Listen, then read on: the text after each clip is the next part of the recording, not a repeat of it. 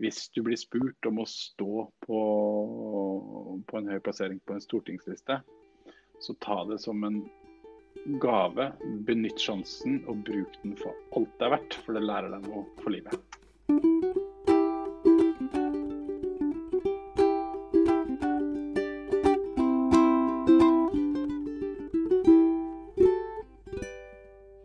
Dag så skal jeg prate med Petter Tollnes om valgkampen han førte som stortingskandidat i 2017.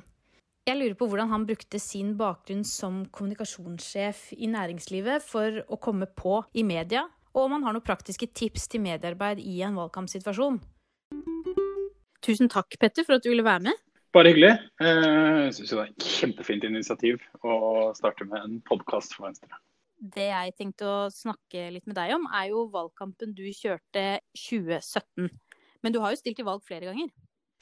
Jeg har uh, holdt på en stund, uh, så jeg har drevet en rekke lokaler. Men dette var jo første gangen jeg drev valgkamp på et høyere nivå enn en kommune. Um, så det er klart at dette var en del uh, ganske nytt for meg. Men, men allikevel så hadde jeg ganske sånn Eh, realistiske forventninger til hva det også innebar. Eh, og det er jo klart at det å drive kommunevalg og det å drive stortingsvalg når du da skal stille på liste i en hel landsdel, det krever noe ganske annet. Og det krever noe enda mer profesjonelt apparat rundt den for å klare å lykkes på en god måte.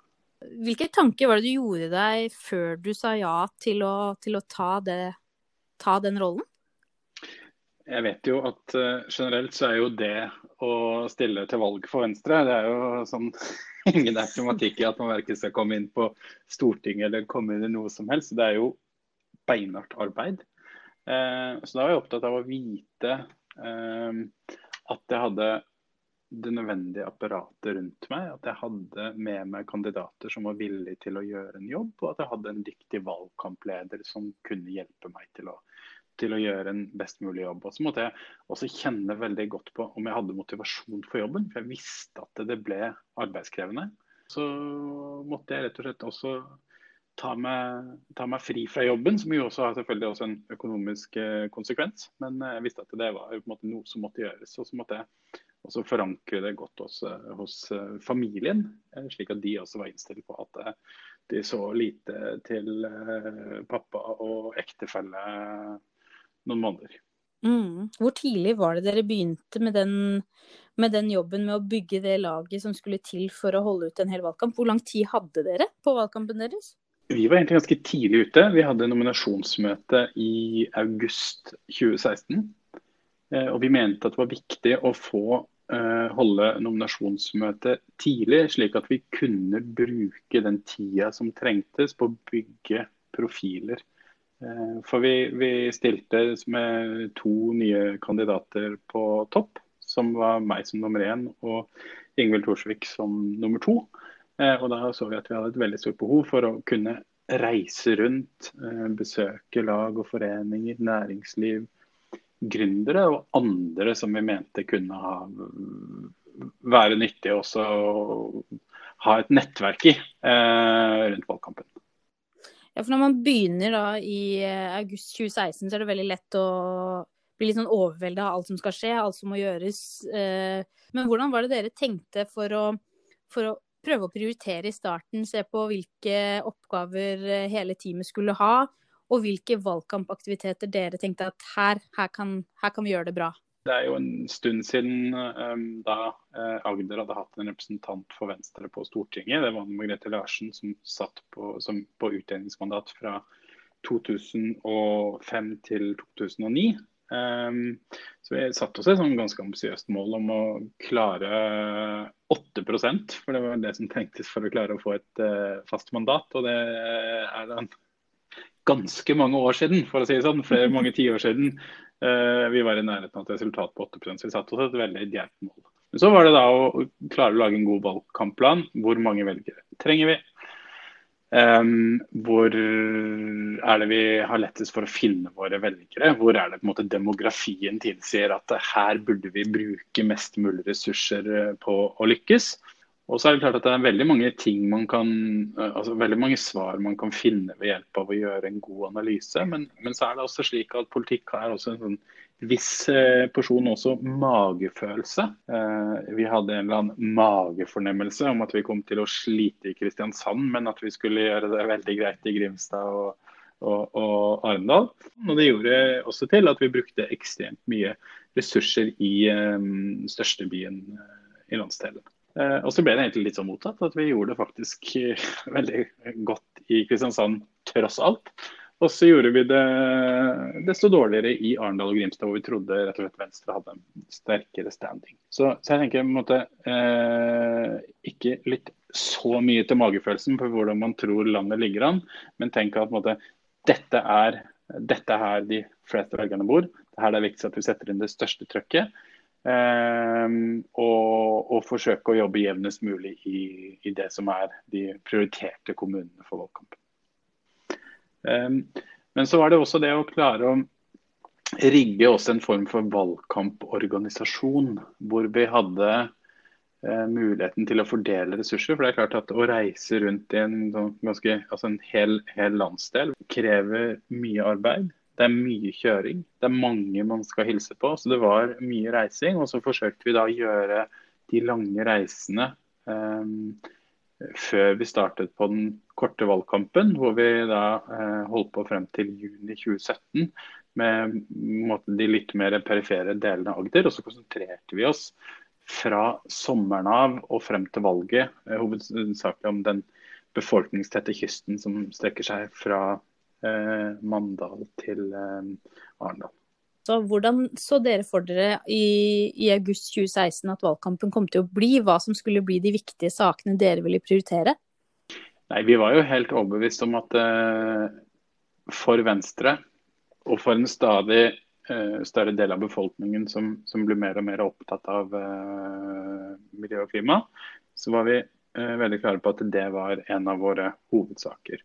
Og så er det også slik at vi dessverre i Agder har noen spesielle levekårsutfordringer som også gir seg utslag i bl.a. barnefattigdom. Så det å eh, ha et tydelig budskap om å klare å skape en bedre oppvekst for flere, eh, det ble prioritert høyt.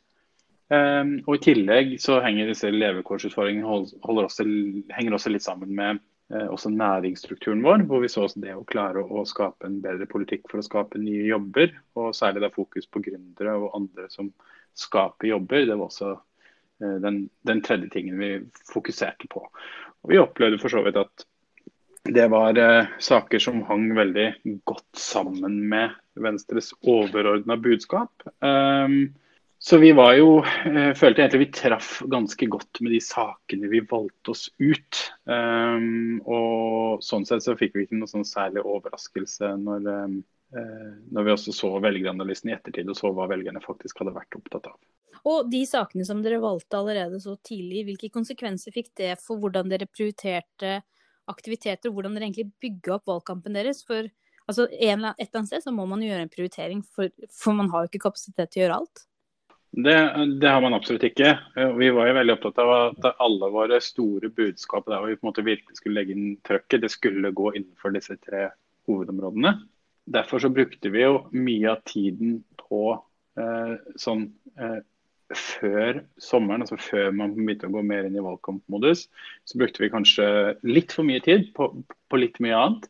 Men um, så jobbet vi også hardt med å være veldig til stede sommeren før valget. For vi visste at det, det å komme på de siste fem ukene før valget, det å komme på med store mediesaker, det er fryktelig vanskelig. Mm. Så Vi brukte heller den perioden som var i juni og juli, og spesielt i juli, eh, på å jobbe aktivt med, eh, med mediespill. For da visste jeg at da er konkurransen om eh, sendeflata langt mindre enn det den er når alle skal kaste seg på. Og så er det også den utføringa at når du da stiller som, som førstekandidat til Stortinget for et parti som ikke er representert, så er nok terskelen høyere for å komme på enn om du da allerede skal være stortingsrepresentant. Så akkurat det i seg selv, eh, det var en ganske viktig lærdom. For det var, var ganske stor forskjell på, på, på, hvor høy den terskelen var for, for, de som satt på eh, Stortinget, og de som ville inn på Stortinget, men ikke satt der. Men utenom livet, som, eh, utenom livet som politiker, så har jo du lang bakgrunn som kommunikasjonssjef, og fra næringslivet, spesielt innen grønt skifte. Hvordan tror du det preget valgkampen din og de prioriteringene dere gjorde? Jeg tror eh, jeg, jeg, har, jeg, hadde en stor fordel, eh, og det var det at jeg hadde allerede et bredt etablert nettverk i eh, mediene på Sørlandet. Bare, både lokale medier og regionale medier.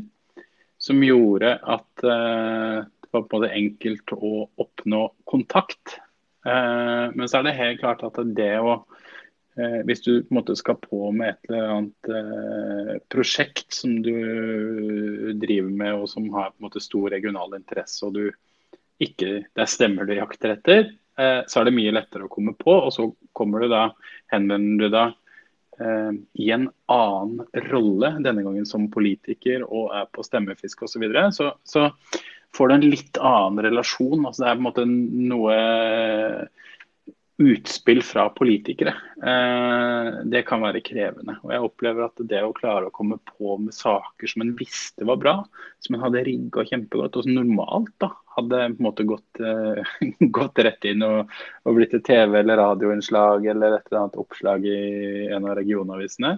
Eh, det, det, det, krevde langt mer som en som ville inn på Stortinget. Eh, rett og slett fordi at eh, den, den terskelen er høyere. Så, eh, det var egentlig litt sånn overraskende. Jeg trodde det skulle være mye enklere å komme på enn det det var. Og Derfor så er det på en måte sånn, min store store oppfordring det er å tenke litt alternativt. Um, klare å tenke litt annerledes tidsmessig og bare innse det at de som sagt, de siste fem ukene er krevende. Bruk heller tida når du vet at det er litt sånn tørke i redaksjonene. Der har på en måte virkelig muligheten til å komme på med større oppslag. Mm, og ikke sitte og vente med at åh, denne skal jeg ta ut i den korte valgkampen, men heller komme i gang tidlig og heller repetere budskapet. Ja, eh, for det er jo sånn at eh, en kan på en måte sitte Skal jeg tørre å ta den ut nå, nå i juli, hvor folk er på ferie osv., eller er det på en måte denne så viktig at denne bør jeg vente med til det aller siste? Og så venter du kanskje til en av de siste ukene før valget, og så har du ikke muligheten til å komme på allikevel så har jeg også sett det. Hvis du tvert imot heller har vært ute om en sak eh, flere ganger i f.eks. ferien, i, midt i sommerferien, og, og, og, har klart å ta eierskap til et eller annet, så er sjansen faktisk mye større for at man blir kontakta av redaksjonene selv, fordi man allerede har et form for eierskap til saken. Så Det å bygge opp eierskap i god tid før valget, det er på en måte en vel så god oppskrift på å klare å få, få gode oppslag som det å, å, å, sitte og vente i det lengste og håpe at man kommer på med et, eh, noe man oppform, og, eh, føler er på en måte et, eh, en perle av et utspill. Du var jo en av de politikerne som var eh, veldig mye på, til tross for at du nevner at det var det var krevende. For du var jo både i podkaster, du var i nasjonale TV-oppslag, du var i lokalaviser. Hvordan jobba du for å både komme på med saker det var litt vanskelig å komme på med, men også utnytte de mulighetene som fins? En av de tingene jeg gjorde, det var, jeg, det var, en lørdag. Det var i slutten av juli. Og jeg hadde med meg en eh, ryggsekk med noen eh, kalde og egentlig klar for å gå på festival. Og idet jeg går eh, ned de par hundre meterne ned til sentrum, så leser jeg på den største regionavisen Federlandsvennen at uh, det nettopp har vært en nazidemonstrasjon i Kristiansand. Så skjønte jeg at dette her kom til å bli en stor sak. Så jeg tok heller og satte fra meg bagen, hoppa i bilen og på de 20 minuttene det tok fra Lillesand til eh, Kristiansand, så ringte jeg til redaksjonene både til Fjellandsvennen og NRK og sa gjør klar kamera, gjør klar mikrofonen og gjør klar pennen, for jeg er på vei. Fordi jeg ønsker å gi klar beskjed hva jeg mener om at uh, familier og barn må bøye seg under uh, nazilignende flagg i handlegata Markens i Kristiansand. Eh, det reagerer jeg ganske kraftig på, og jeg syns politiet ikke gjorde en god nok jobb i dette tilfellet. Så jeg tenker at Det å rett og slett være litt parat og bare sånn, kaste seg rundt og, og, og, være offensiv og si at det, gjør klar mikrofonen og kamera og pennen og jeg er på vei, uh, for her er det noe vi må snakke om. Men hvordan går det an altså, En ting er de som Den kommer dumpende i fanget ditt. Mm. Hvordan kan man tenke hvis, uh, hvis man har en sak man vil komme på med, så ser man at ah, dette det er ikke sikkert jeg kommer på aleine. Hvilke muligheter har man i et parti som Venstre? Jeg tenker at eh, sånn som eh, situasjonen nå forhåpentligvis er frem til, eh, frem til, neste høst, så har man jo eh, et veldig stort apparat å bruke. Um, jeg vil jo, selv om du egentlig spurte meg om noe annet, så vil jeg først trekke frem én ting som jeg bare syns var helt fantastisk, eh, og som var veldig overraskende for meg. Det var hvor profesjonelt eh, dette opplegget var, som heter Rikspolitisk nettverk, hvor man forbereder eh, førstekandidater på å drive valgkamp. Hvor man driver en skikkelig medietrening, hvor man får masse innsikt i alt mulig fra landbruk til klima til personvern osv. Og dette kursopplegget, eh, selv for en som jobber med å trene folk til å håndtere medier og, og, vanskelige situasjoner, og ikke minst også det å komme på, så opplevde jeg at dette rikspolitiske nettverket det ga meg en enda bedre plattform Eh, for å klare å drive en god valgkamp. Og når jeg sjekket rundt med, med mine konkurrenter både fra Arbeiderpartiet, SV, MDG osv. Og, så videre, og så hva de gjennomgikk av opplæring, så var definitivt Venstres opplegg, som, som i hovedsak ble arrangert på, på, Stortinget, det var rett og slett et av de beste i klassen. Og mitt poeng var at på dette nettverket så blir man også veldig godt kjent med både rådgivere på Stortinget, eh, med stortingsrepresentanter og partiapparatet. Og Det ga i hvert fall meg eh, nye kontakter, nye vennskap, og ikke minst også mange ideer til hvordan jeg kunne bruke, få, bruke partiet og få hjelp av partiet til å drive en enda bedre valgkamp.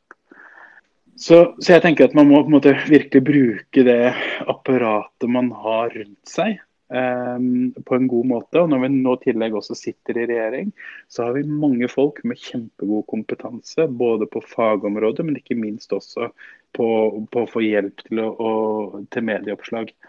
Og Du har jo noen ganger også laget saker ut at uh, du får en nasjonal politiker på besøk, og at dere gjør et eller annet. Det er mulig det høres litt sånn kynisk ut, men, men jeg er på en måte veldig opptatt av når man, når man først får en statsråd eller en stortingsrepresentant som faktisk skal bruke noen timer eller en dag eh, på reise, eh, reisestykket, så tenker jeg så er det viktig at de både de kan få lære noe, men ikke minst også at en får mulighet til å Eh, klare å løfte lokale kandidater og klare å komme på i mediene. Så jeg starter faktisk når jeg skal planlegge besøket, så forsøker jeg å fiske litt i redaksjonene og sjekke litt hva er det de hva er det de er villige til å gjøre noe på? Jeg har jo faktisk flere ganger, når uh, Trine Skei Grande var kulturminister, så starta jeg faktisk med å booke en sånn podkast som har en del lyttere, som Federlandsvennen uh, publiserer med med jevne mellomrom. Det var på en måte det første jeg booka, og så booka jeg egentlig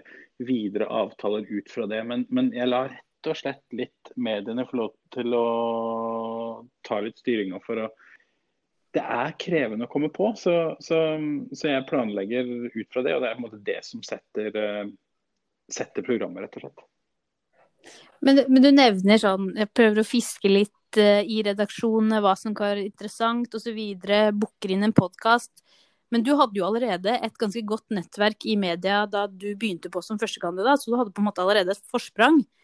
Hvis man er ganske fersk med mediekontakt selv, ikke har så stort nettverk, hvordan er det man går fram for å i det hele tatt opprette den kontakten? Og det er jo ikke bare å ringe og si hei, kan jeg komme på podkasten? Nei, det, det, er klart at akkurat det å, å, komme på en podkast, det, det, er ikke det enkleste. Eh, heller ikke det. Men derfor mener jeg også at det er viktig at man starter dette arbeidet eh, mot mediene. Eh, altså ikke, ikke, ikke, de fem ukene før valget, men starter allerede når man er valgt som toppkandidat. Og starter å bygge relasjoner til de ulike mediehusene. Da er det lettere å komme på, og da er det lettere også at de har deg friskt i minne. Og så vil jeg også si at det er jo ofte en ikke kommer på, men det at en faktisk er på og forsøker å selge inn saker, det gjør jo også at de har deg langt mer top of mind enn om de skulle ha om du ikke forsøkte i det hele tatt. det er, det er et viktig poeng. Har, ja, og det er klart at når jeg har ringt og gnåla om barnefattigdom ti ganger til NRK Sørlandet, eh, og gjerne ofte til de samme journalistene, for en, en, en blir jo litt sånn kjent etter hvert, så er det klart at det, eh, hvis de plutselig da snubler over en sak fra Statistisk sentralbyrå som viser at det nå øker barnefattigdommen på Sørlandet, eh, så vet de jo hvem som har gnåla om dette ti ganger tidligere og det ser jeg hvor, hvor, hvor uh, lengre og bedre relasjoner man får til de ulike mediehusene og journalistene, jo lettere er det å komme på uten å løfte en finger. Altså.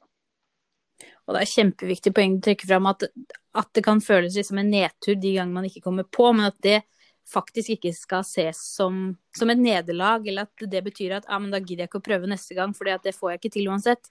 Det er nettopp det som kan være grunnsteinene til at du får et kjempeoppslag, og at at de blir kjent med deg, men også at du har nok tid da, i en valgkamp til at en journalisten blir kjent med deg, men at du også blir litt kjent fjes i den avisa du faktisk vil på i også, for det hjelper. Det hjelper, og, og, og jeg tenker at enhver en kontakt mot en redaksjon er uansett eh, med på å styrke relasjonen. Selvfølgelig med mindre du brenner alle bruer, men, men eh, det gjør heldigvis de, de fleste av oss ikke. Jo, da kan godt måte kjenne at en kan bli litt sånn irritert. og hvorfor, hvorfor, skrev du akkurat det? Hvorfor tok du akkurat med det? Hvorfor kom jeg ikke på med det? Men sånn, det er jo at man viser noen sånn former for irritasjon eller skal føle seg forulempa, det, det, må man rett og slett bare legge til side. For det, det, det fører ikke noe godt med seg. Jeg tenker at eh, Du må tenke gjennom at det, er viktig å altså Enten du liker vedkommende eller ikke, så er det å ha en best mulig relasjon noe som først og fremst kommer deg til gode. Mm. Men hvis du har, si, du har en kveld til gode, eller du har noen timer til gode, og så må du prioritere.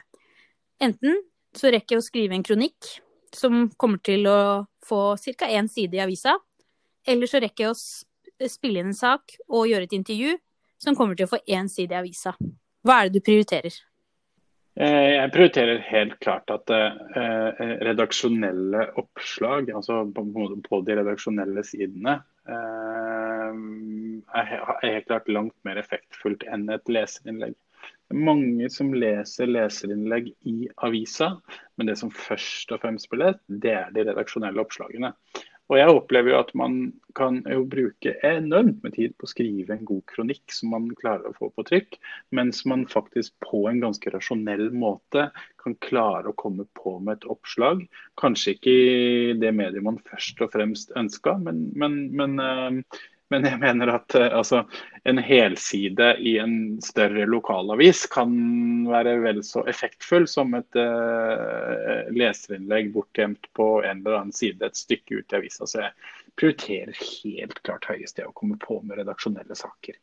Uh, det oppleves også som, som det som står der oppleves som langt mer troverdig enn et leserinnlegg som utelukkende er skrevet av noen med en eller annen partibok.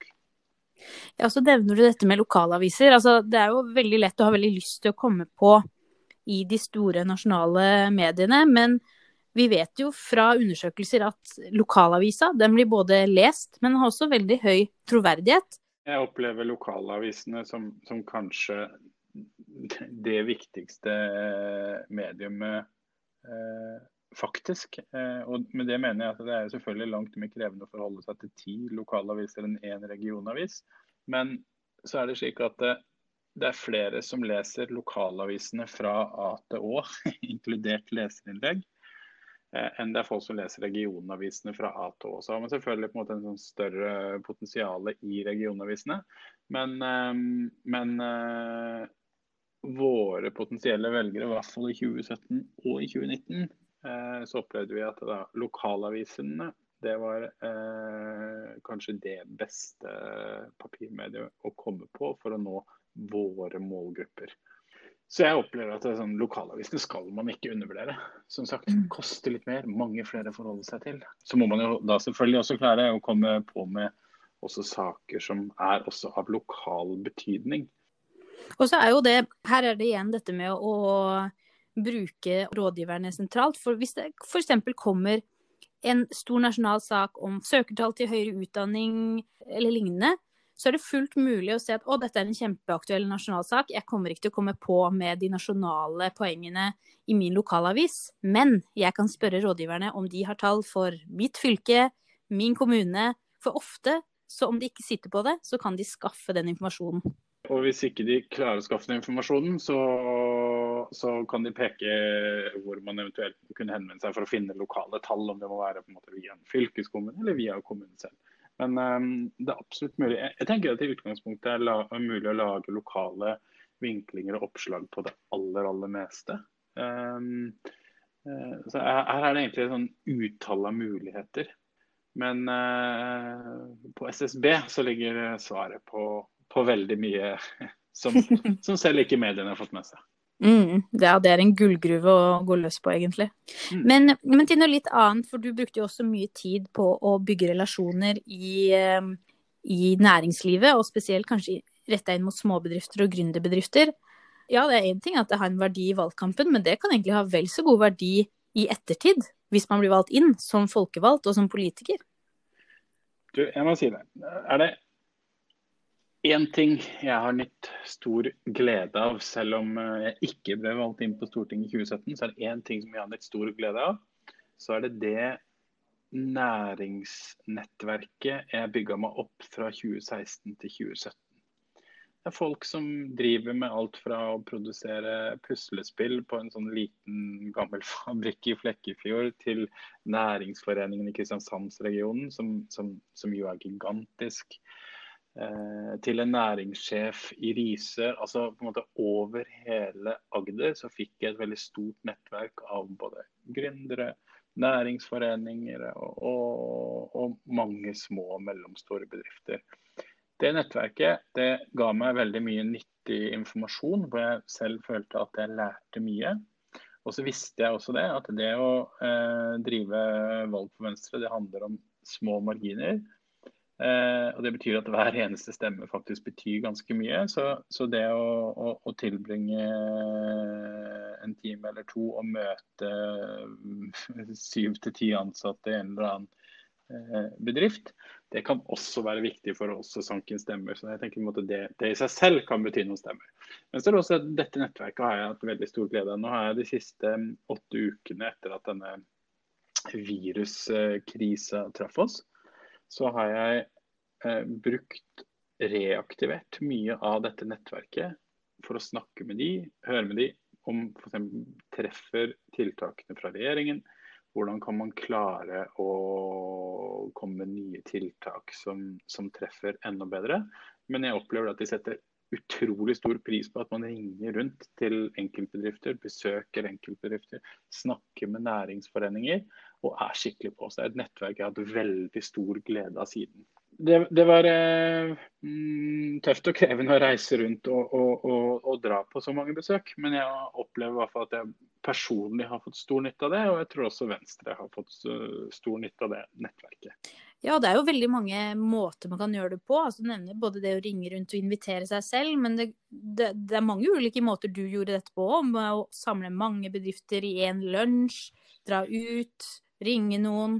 Det er mange måter å gjøre det på. Eh, og her er jo også, som, som jeg sagt om i stad, altså når man har på en måte, partilederbesøk, statsrådsbesøk eller besøk fra Stortinget, så er det også det å klare å, å invitere relevante bedrifter inn dit. F.eks. til innovasjons- og gründermiljøer eller andre former for nettverk, eller bedrifter som skal være relevante på et eller annet vis. Invitere de inn til en lunsj. Og det å måte, ha en lunsj med en stortingsrepresentant eller statsråd eller partileder, det oppleves som et attraktivt tilbud for de aller fleste. Og da får man jo både sånn etablert en kanal fra bedriften til den som er på besøk, og i tillegg også at man selv som kandidat får lov til å Eh, på en måte skape noen nye nettverk og, og så noen nye frø. Mm. Og når du da har besøk av en partileder eller nasjonal politiker, så har jo de egentlig bare De er på jobb for at du skal se bra ut, for at du skal blomstre, og for at folk skal At de skal hjelpe deg å bli kjent med enda flere folk, og at enda flere får et godt inntrykk av deg. Det er jo egentlig derfor de er der. Ja, og det er derfor, eh, det er, derfor det er viktig at man kandidaten og, og, og, valgkampleder egentlig kommer med et forslag til, til et opplegg eh, lokalt. Altså, dette er et forslag eh, basert på hvordan vi tror vi klarer å få fine oppslag, knytte nye kontakter, og ikke minst også eh, være til nytte i valgkampen. Nå har det jo gått litt tid siden, uh, siden 2017-valgkampen. Du har vært gjennom en uh, lokalvalgkamp til, mm. fått det hele litt på avstand. Er det noen ting du tenker nå i ettertid at ah, det der brukte vi altfor mye tid på, det, det var ikke verdt tida? Eller ting du tenkte det skulle vi virkelig gjort mer av, den aktiviteten kunne vi prioritert mer? Jeg ville faktisk Jeg følte at vi brukte veldig mye tid på å reise rundt og besøke. Men jeg tenker at det, om jeg skal gjøre gjøre en sånn jobb en gang til. Jeg kommer garantert til å drive valgkamp i framtida, men jeg vet ikke hvilken rolle foreløpig. Men skal jeg gjøre dette en gang til, så skal jeg faktisk gjøre enda mer av det jeg føler jeg hadde stor nytte av. Og Det var nettopp disse besøkene og reise rundt. Gode møter som, som oppleves som nyttige både for, for de du møter og for, og for en selv. Eh, det har jeg lyst til å bare gjøre mye, mye mer av. Og selv om vi var veldig bevisst på at vi var egentlig klare med nominasjonen veldig tidlig. Så er det jo litt sånn at den tenker at ja, men nå, vi er så tidlig ute, så det er ikke så mye å stresse med. Men jeg tenker altså, så fort nominasjonen er klar, så er det bare å spikre valgkampplanen, booke møter, komme seg ut og begynne å etablere alle de kontaktene man trenger. Og det å etablere kontakter altså, over, et, eh, over et helt fylke, det er krevende jobb, det. Men, eh, men, ved hjelp av god planlegging, f.eks. man tar det delen av fylket den helga eller de kveldene eller de dagene osv. Men det å tenke nøye gjennom hvordan man kan klare å drive valgkamp mest mulig effektivt, og komme i gang tidlig, eh, det er kanskje det viktigste. Og vi vet jo det om våre velgere, at er det én ting som er effektivt, så er det å møte flest mulig folk.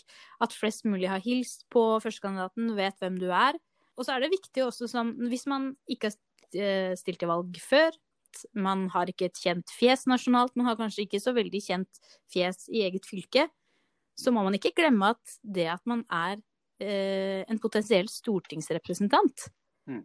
det er jo attraktivt for folk. Man skal ikke snakke seg selv ned og tenke at ah, de vil ikke ha besøk av meg. For jeg vil ikke tro det er mange du har ringt og spurt kan jeg få lov til å komme og besøke bedriften deres og lære litt om hvordan dere jobber. Det er ikke mange som har smelt på røret og sagt nei, det kan vi ikke bruke tid på. Ingen. Ikke Nettopp. en eneste en eh, sa nei når vi inviterte oss inn. Og så er det noe med også litt hvordan man også introduserer seg selv. Jeg er stortingskandidat for Venstre. Jeg skal inn på Stortinget. Jeg trenger å møte deg. Jeg trenger å vite eh, hva er din hverdag, hva er dine utfordringer, og hvordan kan jeg gjøre, gjøre det bedre for deg. Mm. Og helt til slutt så vil jeg egentlig bare ta opp en tråd som du nevnte litt i en bisetning helt i starten, om det å bygge laget rundt seg og det å ha litt ulike listekandidater som er litt gode på ulike ting. For dette er jo virkelig din styrke, dette med mediearbeid, mm. og dette med grønt skifte og dette med næringslivet. Mm. Men det har veldig stor verdi hvis man tør å se at uh, OK, jeg er god på medier. Hva, hvordan bygde du laget rundt deg for å sikre at annen kompetanse kom inn? Eh, jeg var opptatt av at vi skulle ha en forholdsvis god regional spredning. At vi hadde på en måte folk fra, fra ulike deler av eh, de to fylkene hvor jeg stilte til valg. Jeg var opptatt av at vi hadde folk som hadde ulik kompetanse. Eh, enten noen hadde bakgrunn som helsepolitikere eller skolepolitikere eller hva det skulle være. Men, men det å sørge for at man har ulik kompetanse rundt seg, det å sørge for at man har folk som også setter av nødvendig tid til å gjøre jobben. Og det er kanskje det viktigste. Altså jeg tenker at det, de som skal være på, på topp fem på lista, eh, de bør alle sverge på at de også har tenkt å bruke tid på å drive valgkamp. For det dukker alltid opp ting som gjør at det, det kan dukke opp sykdom, eller det kan dukke opp andre ting som gjør at noen blir forhindra. Men det å sørge for måte, at man har en god og brei kjerne, både når det gjelder kompetanse og antall, det tenker jeg det er, det er helt avgjørende for å lykkes. Eh, for, og vi hadde jo for så vidt eh, klart å rigge et, eh, rigge et, stort lag, vi. Men så opplevde vi at eh, plutselig så, så, så, er det noen så dukker det opp noen andre forhold som gjør at noen eh, blir, eh, blir forhindra. Så, så, mitt beste råd til, til, de som skal drive med stortingsvalg igjen, det er å sørge for altså, denne breie forankre og faktisk klare å drive valgkampen på god måte. Det tror jeg er helt avgjørende for å lykkes. Sånn at man vet at man har nok ressurser disponibelt. For, å, for, en, for en førstekandidat så er det på en måte de stukene så er det på en måte det å løpe rundt fra debatt til debatt, enten det skal være på Dyrskuen i Lyngdal, eller det skal være næringsforeninga i Kristiansand, eller det skal være noe marked på Gjerstad. altså Tre veldig forskjellige steder i Agder. Det er det er mye reising. Eh, og krevende å jobbe aktivt på alle fronter. Så det er jo også sørge for at du har noen som er dyktig på sosiale medier, at du har noen som også kan hjelpe deg til å ringe rundt til redaksjonene. Eh, du må ha bred kompetanse rundt det. Helt til slutt så vil jeg bare stille et spørsmål nå som, eh, som det er en stund siden du stilte som stortingsrepresentant. Er det noe som i løpet av de månedene du, du sto på 24-7 i valgkamp, er det noe som overraska deg? Var det noe som tok deg litt på senga i hva den rollen innebærer? Ja. Eh, jeg var forberedt på å bruke mye tid. Det var jeg. Men selv om du har folk rundt deg, eh, så må du så må du bruke på en måte helt abnormt med tid. Jeg opplevde at jeg nærmest var fraværende, eller jeg var vel for så vidt fraværende de siste, eh, siste, to månedene før valget og hele ferien røyk. Og det var ekstremt tidkrevende. Det var det. Mm. Eh, så den tidsbruken, den, den overraska meg. Jeg tenker sånn, Ikke undervurder tidsbruken, og bare husk at, måte, at det, sånn, det, er, eh, det, er, ikke et sånn det er ikke et 30 engasjement. Det er eh, altomfattende. Og så, mm. så syns jeg også det at jeg trodde liksom jeg skulle møte mange flere dører som ble på en måte slengt i trynet på meg. Enten det bokstavelig talt handla om å gå dørbank hvor enn det skulle være.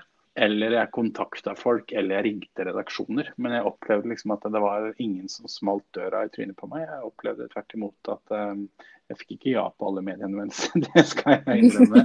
Men jeg opplevde aldri noen sånne der ubehageligheter av noe form. Jeg opplevde sånn alt i alt at det var positivt.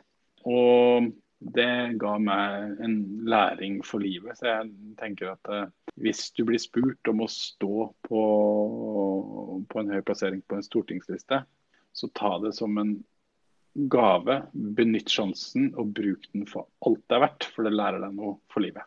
Jeg skal la det forbli siste ord. Tusen takk for at du ble med, Petter. Jo, veldig hyggelig å være med. Og jeg må bare ønske alle all mulig hell og lykke.